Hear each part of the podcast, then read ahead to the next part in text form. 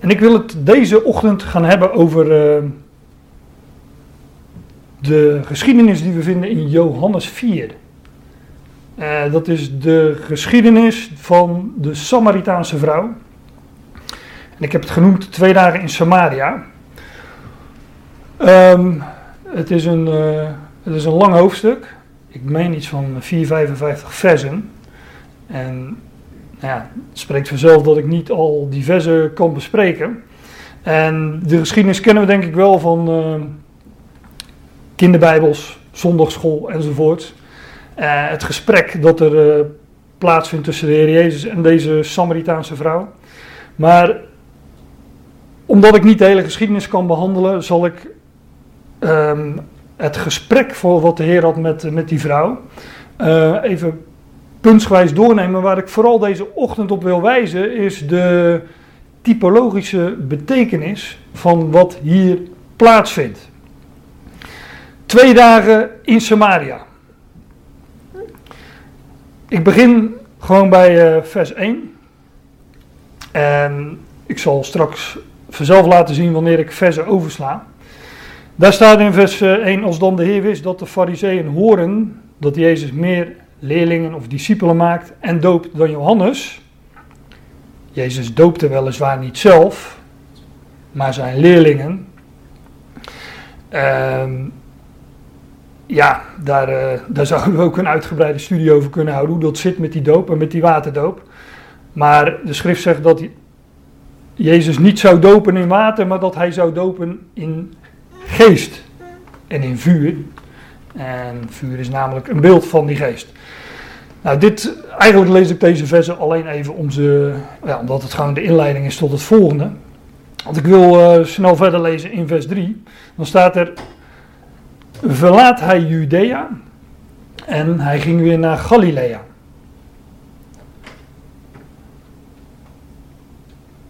Dus de Heer verlaat Judea, en ik heb er een kaartje bij gemaakt. Dit is uh, de Romeinse provincie, want dat is het, Judea. En de Heer gaat naar Galilea. En wat ik meteen bij de aanvang uh, wil zeggen is dat deze geschiedenis uh, een onderbreking is in het verblijf van de Heer in Judea.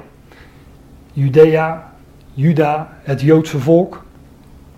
En de Heer verlaat Judea en hij, uh, gaat, hij gaat, dat is de bedoeling tenminste, naar Galilea. Naar het noorden dus. En dit hele hoofdstuk is dus een, uh, een onderbreking in het verblijf van de Heer in, uh, in Juda. Want in 5 vers 1 gaat hij weer, uh, weer terug naar Jeruzalem. En ik, ja, ik ken jullie nog niet zo goed, maar als ik hoor over een, een tussentijd of een onderbreking, dan gaan meteen de belletjes rinkelen.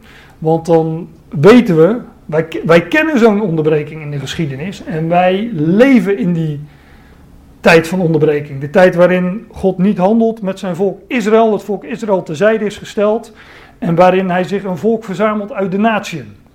En in de toekomst zal die, wanneer die onderbreking voorbij is, ja, dan pakt God die draad weer op met zijn volk Israël. Vandaar dat wij in die tussentijd leven, tussen... Uh, het tezijde stellen van Israël en tussen uh, het moment wanneer, en dat duurt niet lang meer, wanneer hij de draad weer gaat oppakken met, uh, met dat volk. Maar de Heer verlaat, ik, ja, de, alle, alles wat nu volgt, wijst daar ook naartoe. Hij verlaat Judea en hij ging weer naar Galilea. Dan staat er, en hij moest door Samaria heen gaan. En ik zeg er altijd bij, dat moest hij helemaal niet. Dat moest hij natuurlijk wel, want dat staat hier. Maar zijn tijd- en volksgenoten deden dat namelijk niet. Die gingen met een grote boog om Samaria heen. Maar de Heer, hij moest door Samaria gaan. Ja, dan is de vraag: wat is Samaria?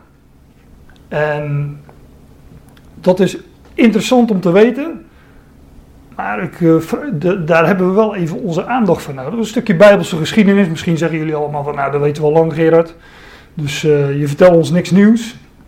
Maar toch ga ik het uh, voor de zekerheid dan toch maar vertellen. Wat is Samaria? Ehm, in het Oude Testament lezen we dat Israël, het land Israël, verdeeld wordt in uh, twee rijken. Een noordelijk rijk en een zuidelijk rijk. En het zuidelijke rijk heet Juda, het noordelijke rijk heet Israël. Of het tienstammenrijk en het tweestammenrijk.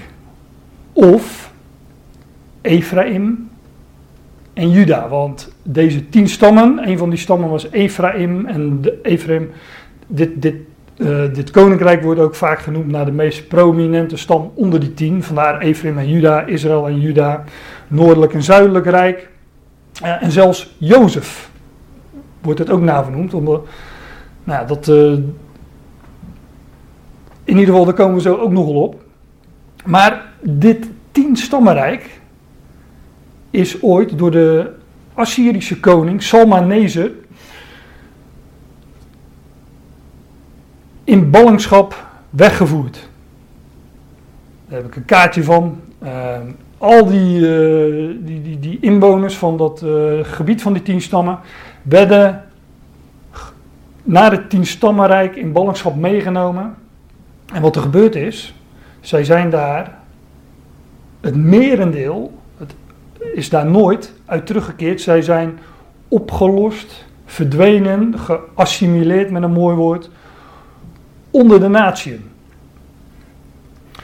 En wat er toen gebeurde, was dat dit gebied zo goed als leeg was. Natuurlijk is dat niet helemaal schoongeveegd door die koning Salmanese, die Assyrische koning. Daar bleven wel wat Israëlieten wonen. Um, maar ik zal het even lezen uit Twee Koningen, maar dit, dit is informatie die, uh, die kun je ook op Wikipedia vinden. Maar uh, we doen Bijbelstudie, dus ik, uh, ik haal het uit de schrift. Daar, daar staat beschreven wat ik zojuist vertelde met die kaartjes liet zien. In het twaalfde jaar van Agos, de koning van Juda, werd Hosea, de zoon van Ela, koning over Israël in Samaria. En Samaria was de hoofdstad van dat tienstammenrijk van het noordelijke rijk Israël.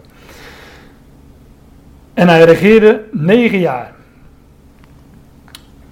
Tegen hem trok Salmaneser op, de koning van Assyrië. Vervolgens trok de koning van Assyrië het hele land door. Hij trok ook op naar Samaria en belegerde het drie jaar lang.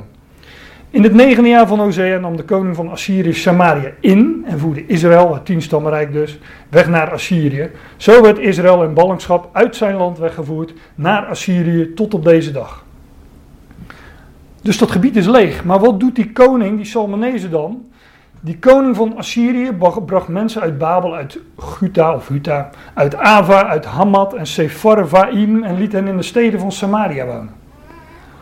Dus die Assyrische koning die bracht dus heidenen, mensen uit, uit zijn rijk, uit deze steden, die stuurde hij naar dat gebied van eh, de tien stammen, wat, ja, wat zo goed als leeg was natuurlijk.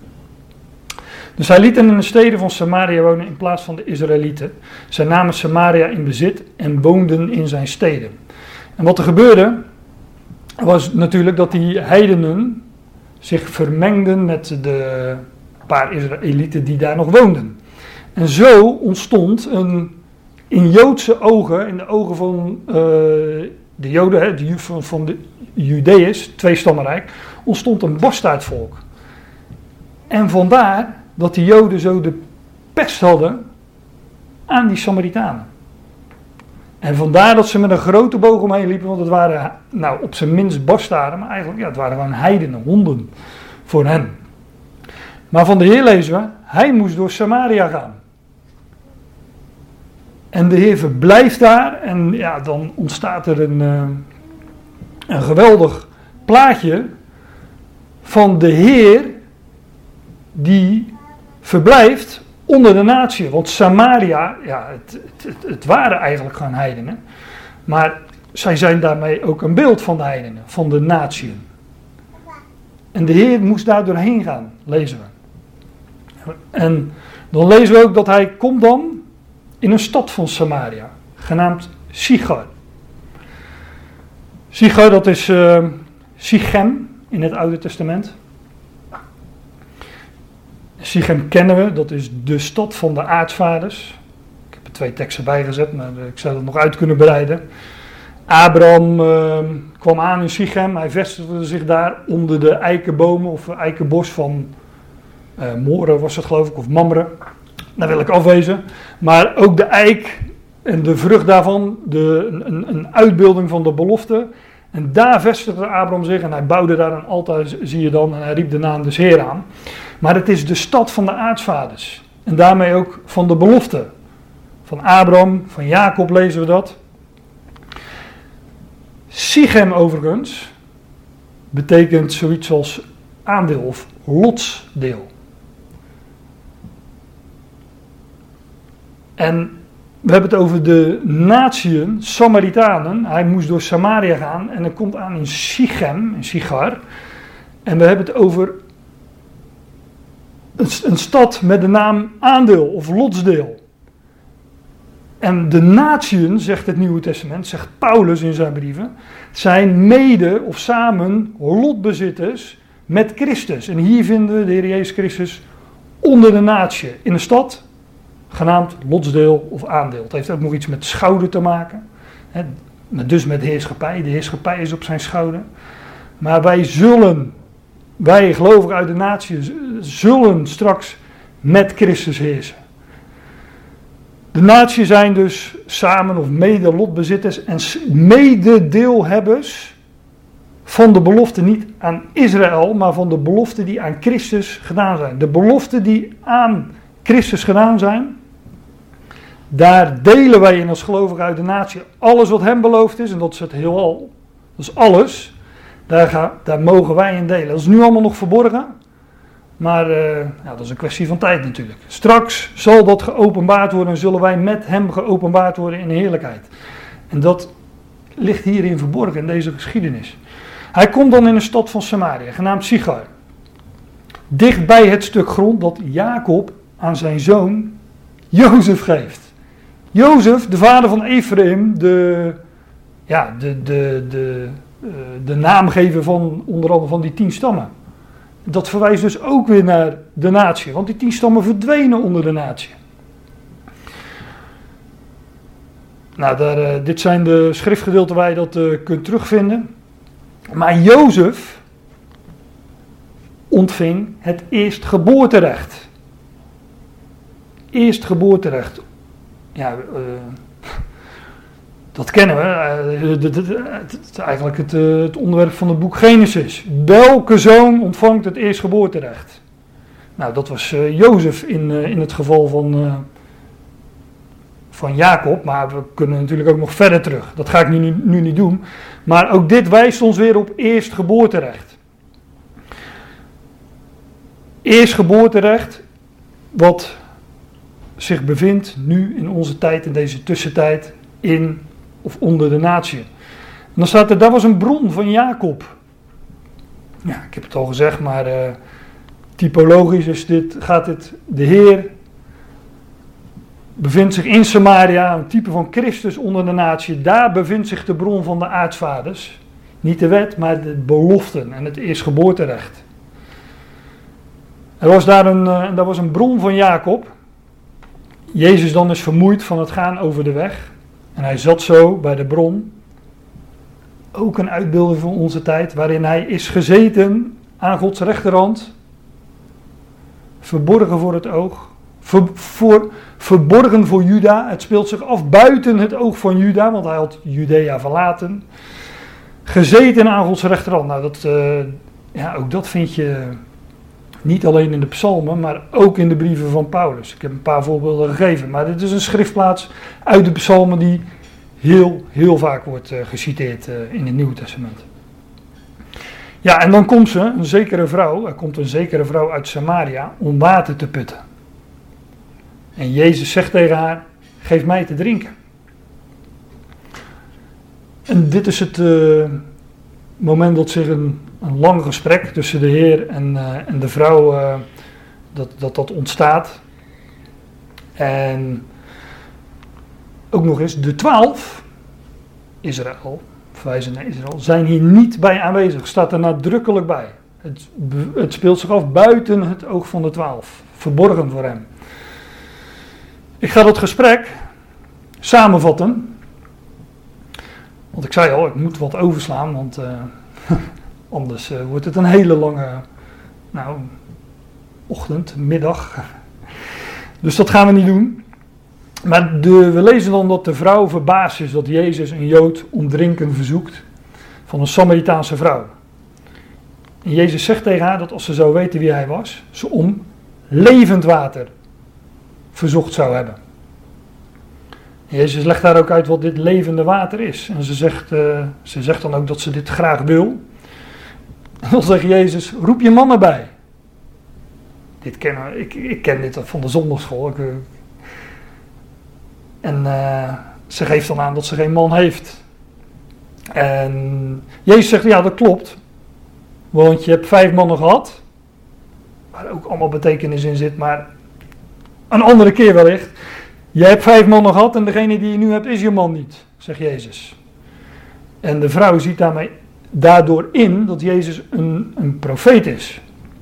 Dan gaat ze hem vervolgens een kwestie voorleggen. Hè, van, uh, um, ik, ik, zeg dit, ik, ik, vertel dit allemaal even om, het, uh, voor, om jullie geheugen op te frissen en uh, eventueel en het, het, het, de gang van het verhaal door te nemen.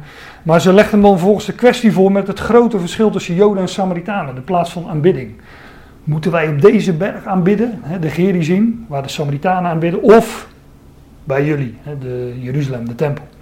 Waarop Jezus zegt dat er een tijd komt dat in, eh, in beide plaatsen niet meer aanbeden zal worden, maar dat er zal aanbeden worden in geest en waarheid. En die, die vrouw die zegt dan dat zij de Messias verwacht. En Jezus maakt zich dan aan haar bekend als de Messias. En dat is echt heel bijzonder. Dat is bijzonder omdat als we de evangelie lezen, zegt Jezus overal, als hij vroeg bijvoorbeeld aan Petrus van uh, wie denk jij dat ik ben? U bent de Christus, de zoon van de levende God. Dan staat er vervolgens, hij verbood hun dat openlijk te vertellen, openlijk te zeggen. En hier, in Samaria, onder de natie, maakt hij zich bekend als de Christus. Dus dat is, uh, dat is nogal bijzonder. In Juda dus niet. Voor Juda werd het verborgen. Maar in Samaria, onder de natie, werd het openlijk verteld door de Heer. De vrouw gaat naar de stad en laat haar watervat staan. En daar uh, haak ik weer aan op de geschiedenis. Dus die uh, vers heb ik overgeslagen, uh, de volgende versen. En dan zegt, dan staat er, de vrouw dan laat haar watervat los.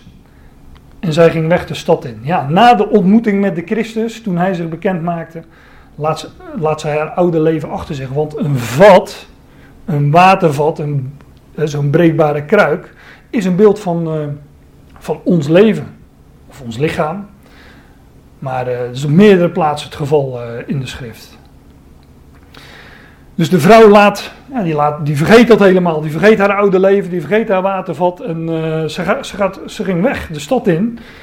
En dan, dan gaat ze evangeliseren. ze ging weg de stad in en ze zegt tegen de mensen: Kom hier, neem een mens, mens waar die tegen mij zei wat ik allemaal doe. Is deze niet de Christus?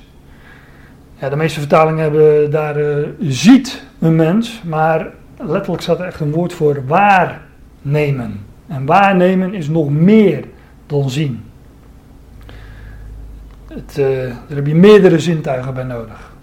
Maar het is, er zit het woord waarheid ook in. Ze had het waargenomen. Ik kom er straks nog even op terug. Dus zij gaat die stad in en nou, dit zegt ze dan tegen die mensen. En dan, zie, dan, dan, dan lees je dat zij dan, uh, die Sichemieten, die gingen dus, uh, die van Sichem, die gingen dan, zij dan gingen de stad uit en zij kwamen naar hem toe. En ook dit is typologisch, want in uh, de Hebreeënbrief lezen we, zo laat ons dan tot hem uitgaan, buiten de legerplaats, buiten de gevestigde orde, buiten het systeem.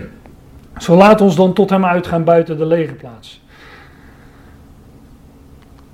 En intussen vroegen de discipelen hem, en dat is dus weer een onderbreking. Weer een onderbreking in het verhaal die uh, ja, intussen, in de tussentijd, dit hoef ik niet eens uit te leggen, dit, dit, is, een, uh, dit is een onderbreking binnen het verhaal. En dat zie je vaak met typologie, dingen herhalen zich. Als we de een missen, hebben we altijd de andere nog. En natuurlijk bevestigt het ook, het een bevestigt het ander. Maar ook nu moet ik zeggen, ja, deze onderbreking, die, uh, die sla ik even over. En, uh, en ik, ga, ik ga gewoon verder in het verhaal. Maar uh, het, het, het, ja, het is interessant om, om ook deze onderbreking eens, eens te bestuderen. Intussen vroegen de discipelen hem. Nou, dan ga ik verder, acht versen verder in vers 39. En dan staat er vanuit die stad geloven velen van de Samaritanen in hem. Vanwege het woord van de vrouw die getuigt, hij zei tegen mij wat ik allemaal doe. Dus nogmaals, in Sichem, in Samaria, buiten het oog van, uh, van, van de Judeërs, buiten het oog van Juda, geloven velen in hem. Als dan de Samaritanen naar hem toe kwamen, vroegen zij hem bij hen te blijven. En wat je dus leest is dat de Heer Jezus verblijft voor een periode onder die Samaritanen. En dat is natuurlijk een uitbeelding van hoe Christus verblijft onder de natie. In die tussenperiode, in deze tussentijd. Zoals uh, Paulus dat zegt in uh, Colossense de rijkdom van de heerlijkheid van dit geheim onder de natie. Het welk is Christus onder of in jullie. De hoop, de verwachting van de heerlijkheid. Christus is voor het oog verborgen. dat, dat werd al verzegd in, nou, bijvoorbeeld in Deuteronomium. Daar staat, uh, uh, ik ben... Uh, uh, ik ben nogal opgegroeid met de Statenvertaling. Dus uh, als ik uh, wat uit mijn hoofd citeer, dan komt het daar vaak uit. Maar er staat meerdere keren in het boek Deuteronomium: Ik zal mijn aangezicht ganselijk voor hen verbergen. En dan staat er in het Hebreeuws verbergende, verbergende, zo'n Hebreïsme. En buiten het oog van Juda is Christus nu onder de natie. En dat is het geheim dat Paulus bekend maakt en dat is niet slechts dat hij onder de natie is, maar dat de natieën, gelovigen uit de natieën, delen in die positie van, uh, van de Christus. Christus in of onder jullie. En wij in Christus, want dat staat natuurlijk ook uh, meerdere keren in uh, de brieven van Paulus. En ook de hoop van de heerlijkheid. Nu weliswaar verborgen, maar straks geopenbaard in heerlijkheid. Dat is ook de verwachting die wij hebben. Nu in deze tussentijd verborgen, maar straks geopenbaard in heerlijkheid. En dan staat er weer zo cryptisch, en hij blijft daar twee dagen. Ja, als je het leest zou je altijd, uh, als je het gewoon leest als een, uh, als een, een, verhaaltje, dan zou je zoiets kunnen hebben van ja, wat maakt ons het uit of het nou twee, drie, vier, vijf dagen is. We waren er niet bij. Maar het staat er niet voor niets. Hij blijft daar twee dagen. En het is een uitbeelding van de twee dagen van duizend jaar waar wij ons in bevinden. Petrus noemt dat in, in zijn uh, laatste brief, in het, uh, in het laatste hoofdstuk, 2 Petrus 3, vers 8. Daar heeft hij het over de, ja, de parousia, de komst, de wederkomst van de Heer. En Petrus leefde in eerste instantie met een spoedige verwachting van de wederkomst van de Heer. Maar aan het eind van zijn leven, in zijn laatste brief, uh, haalt hij ook Paulus aan. En hij zegt, ja, uh, Paulus, die vertelt ons over, die, over het uitblijven van de wederkomst. En in dat verband zegt hij, één dag is bij de Heer als duizend jaar en duizend jaar is als één dag. En zo lang zou het duren voordat de Heer zou wederkomen. Twee dagen van duizend jaar. En dat is ook de periode dat Christus onder de natieën verblijft. Hij is gestorven, hij is gestorven, begraven en opgewekt. En naar de hemel gegaan, ten hemel gevaren. en nu ontrok aan het oog. En dat is de tijd waarin wij leven. En die tijd die zou 2000 of ongeveer 2000 jaar duren. Dus die tijd is ook nog eens bijna ten einde. En we vinden dat in beelden, in typen, vinden we dit zo vaak in de schrift. Bijvoorbeeld Jozef, die twee jaren in de gevangenis verblijft. Wat doet hij daar? Verborgenheden, dromen openbaren, verborgenheden bekendmaken. Zoals Christus nu onder de natie verborgenheden bekend maakt via de apostel Paulus. Of, ja, er zijn er nog altijd de twee jaren dat Paulus in de school van ene Tyrannus was. Staat er ook dat hij zich terugtrok in de school van Tyrannus of in de gevangenis. Handelingen moet het zijn, handelingen 28 vers 30. Ook uh, twee jaren of de 2000 ellen tussen de ark van het verbond en Israël. Die door de zee gingen. Um, Israël volgde 2000 ellen na de ark. En de ark is een beeld van Christus. Christus ging de weg door de dood en stond op uit de dood. 2000 jaar later zal Israël dezelfde weg gaan.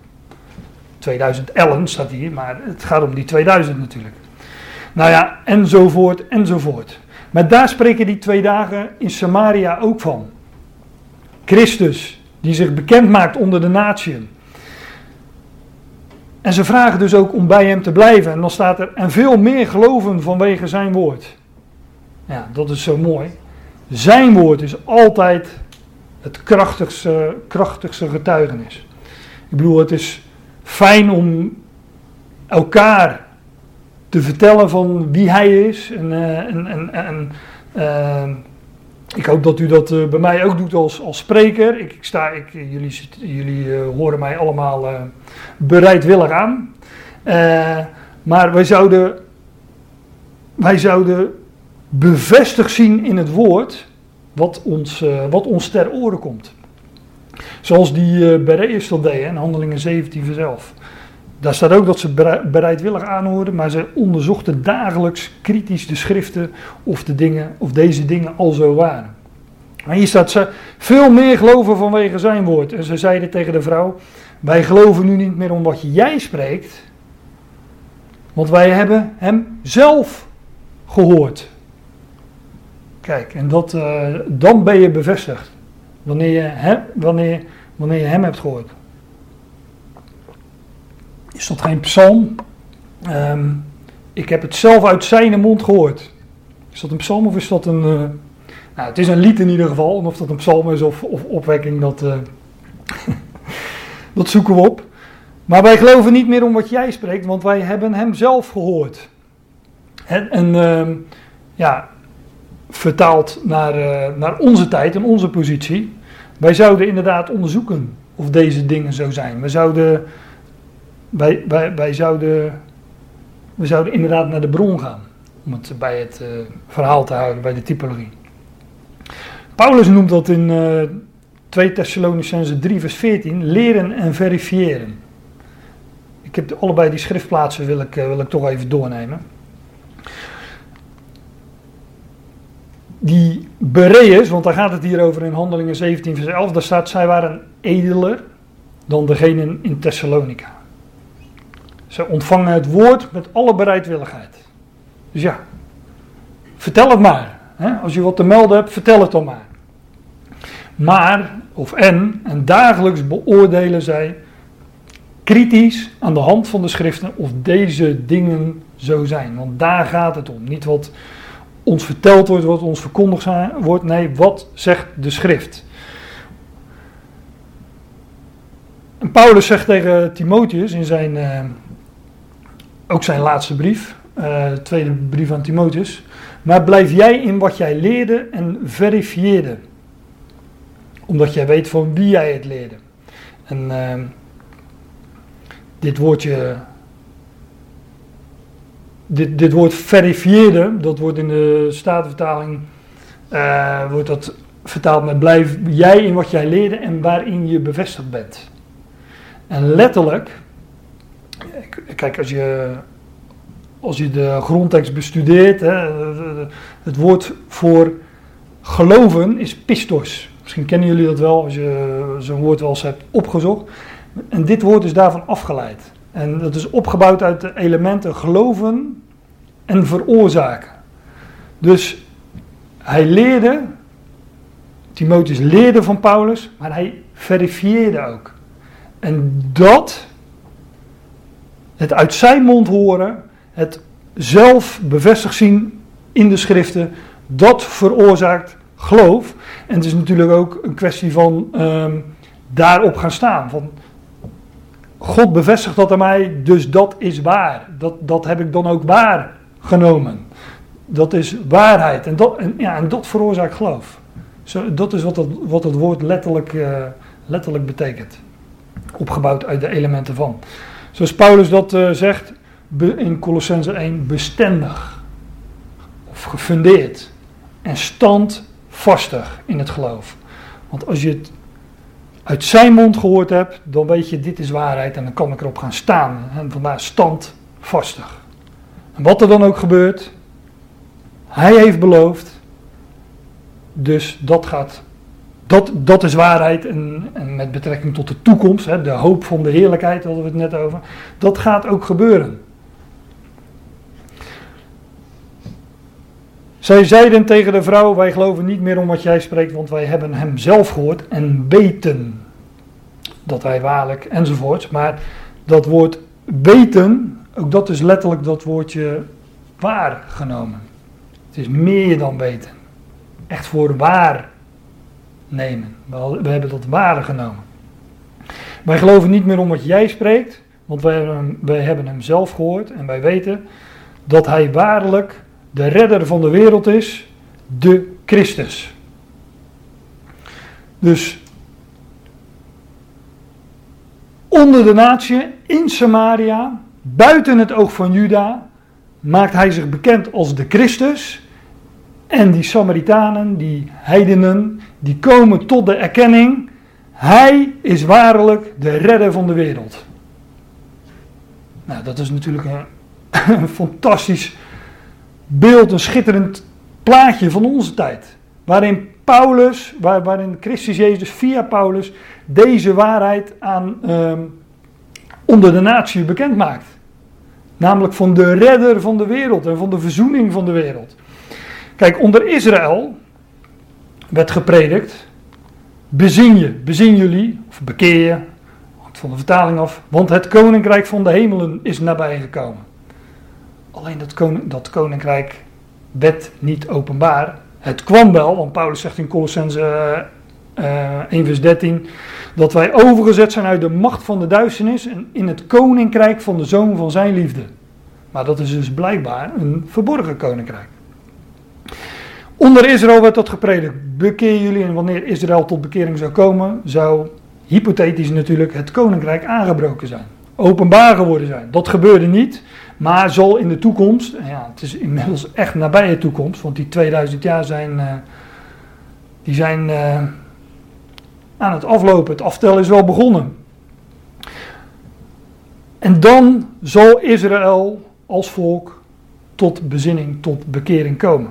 Maar hier in Samaria wordt een ander evangelie gepredikt. Het evangelie van de apostel van de natie, namelijk Paulus dat Paulus mocht bekendmaken onder de, natie. Nou, ik heb er twee voorbeelden van, maar ik zou er natuurlijk uh, heel, heel, heel veel kunnen noemen. Hij zegt bijvoorbeeld in 1 Timotheus 4, ook, die, ook een brief aan Timotheus, maar dan de eerste. Hiervoor zwoegen wij en worden wij gesmaad dat wij onze hoop gevestigd hebben op de levende God, die de redder is van alle mensen. Zie je, dat is, en dat, dat, dat is wat die Samaritanen erkenden. Wij weten nu, waarlijk, deze is de redder van de wereld. Nou, dat is eh, de boodschap die Paulus bracht. En die, uh, die Paulus in deze tussentijd, in die twee dagen van duizend jaar, bekend mocht maken en bekend maakt onder de natie. Ja, vooral van gelovigen. Want wij weten, hij gaat de hele Hij is de redder van alle mensen, hij is de redder van deze wereld, maar wij zijn nu al gered. En wij zijn uitgeroepen, hè, ecclesia, wij worden uitgeroepen uit de natieën om niet te delen in de beloften van Israël, of die aan Israël gedaan zijn, maar de beloften die God aan de Messias gedaan heeft. Wij zijn het lichaam van Christus en alles wat aan hem beloofd is, daar delen wij in. Wat is dat? Ja, wat is dat niet? Dat is het heelal. God gaat in Christus heel deze schepping onderwerpen, verzoenen, redden, alle mensen levend maken. En dat doet hij door zijn zoon. De Christus, maar de Christus is niet slechts één persoon, Christus Jezus. De Christus is hoofd en lichaam. Het is een heel gezelschap. Dus ons wacht een fantastische toekomst. En daarom ook heeft Paulus over de hoop van de heerlijkheid. Christus onder de natie, de hoop van de heerlijkheid. Geweldig, ook als je je beseft in tijden dat het. Uh, ja, dat we. Ik had het net met Peter nog even over van tevoren. Dat, dat hoe. Uh, ik zeg niet dat we in verdrukking leven, maar de touwtjes worden wel aangetrokken, toch? Maatregelen. Uh, de, de, de, bepaalde vrijheden worden ons ontnomen. En ik verwacht niet dat, het, uh, dat dat minder gaat worden. Maar wat is het dan geweldig om uit te zien over die dingen heen. En te weten van ja, onze tijd komt nog. Hè? En het lijden van deze tegenwoordige tijd weegt niet op tegen de heerlijkheid die God in ons gaat openbaren. Paulus zegt ook in uh, Romeinen 11 bijvoorbeeld, want indien hun verwerping de verzoening van de wereld is, wat zal hun aanneming anders zijn dan leven uit de doden? In deze tussentijd het evangelie van Paulus, de verzoening van de wereld. En straks zal Israël alsnog hun Messias aannemen. En Paulus zegt, ja, wat zal dat dan anders zijn dan, dan leven uit de doden? En zal God ook uh, de volkeren via Israël gaan zegenen. Nou, terug naar uh, Johannes 4. Daar staat, na twee dagen ging hij uit, daar vandaan, en hij ging weg naar Galilea. Dus de Heer was in Juda, hij verlaat Juda. Hij moest door Samaria gaan, verbleef daar twee dagen. En hij komt aan in Galilea. En ik vat de volgende versen samen, want wat zou je verwachten na die twee dagen in Samaria, na de tussentijd, na de onderbreking waarin wij leven? Nou, dat het koninkrijk aanbreekt voor Israël of de bruiloft, want zo wordt dat natuurlijk uh, ook genoemd in de schrift. De relatie tussen de Heer en zijn volk Israël wordt vergeleken met de relatie tussen bruid en bruidegom. En vandaar dat al die bruiloften een, uh, daar een uitbeelding van zijn. En je leest in het vervolg dat hij, hij komt aan in Galilea, maar ik weet niet of jullie het kunnen lezen. Daar heb je dat stadje. Cana. En daar komt hij dus ook aan. Hij komt aan in Cana, waar hij eerder in Johannes 2 water, dat was een bruiloft. En een bruiloft is een uitbeelding van het koninkrijk, waar hij water in wijn veranderde. Wijn, een beeld van nieuw leven. En die geschiedenis in Johannes 2 is natuurlijk een uitbeelding van hoe straks die grote bruiloft tussen de Heer en zijn volk zal aanbreken. En waarin water wijn zal worden. Namelijk oud leven zal veranderen in nieuw. In geest. Ze zullen de geest ontvangen. Ik zal mijn geest uitstorten op alle vlees. En dat begint natuurlijk bij, uh, bij zijn volk. Wat doet hij daar? Na twee dagen, op de derde dag, geneest hij de zoon van de koninklijke hoveling. Dus iemand die de koning toebehoort, wordt daar genezen. En Eigenlijk zijn alle genezingen in de evangelie een uitbeelding daarvan. Hoe een blind, doof, verlamd, impotent, ehm, eh, noem het maar op, Israël ziek is en wordt genezen. De ogen worden geopend, de oren worden geopend, de koninklijke hoveling wordt genezen. Daar zijn al die genezingen in de schrift, in, in, in, in de evangelie, een beeld van. En hij doet het hier ook. De koninklijke hoveling wordt genezen op de derde dag, na twee dagen, na de onderbreking in Samaria onder de natie.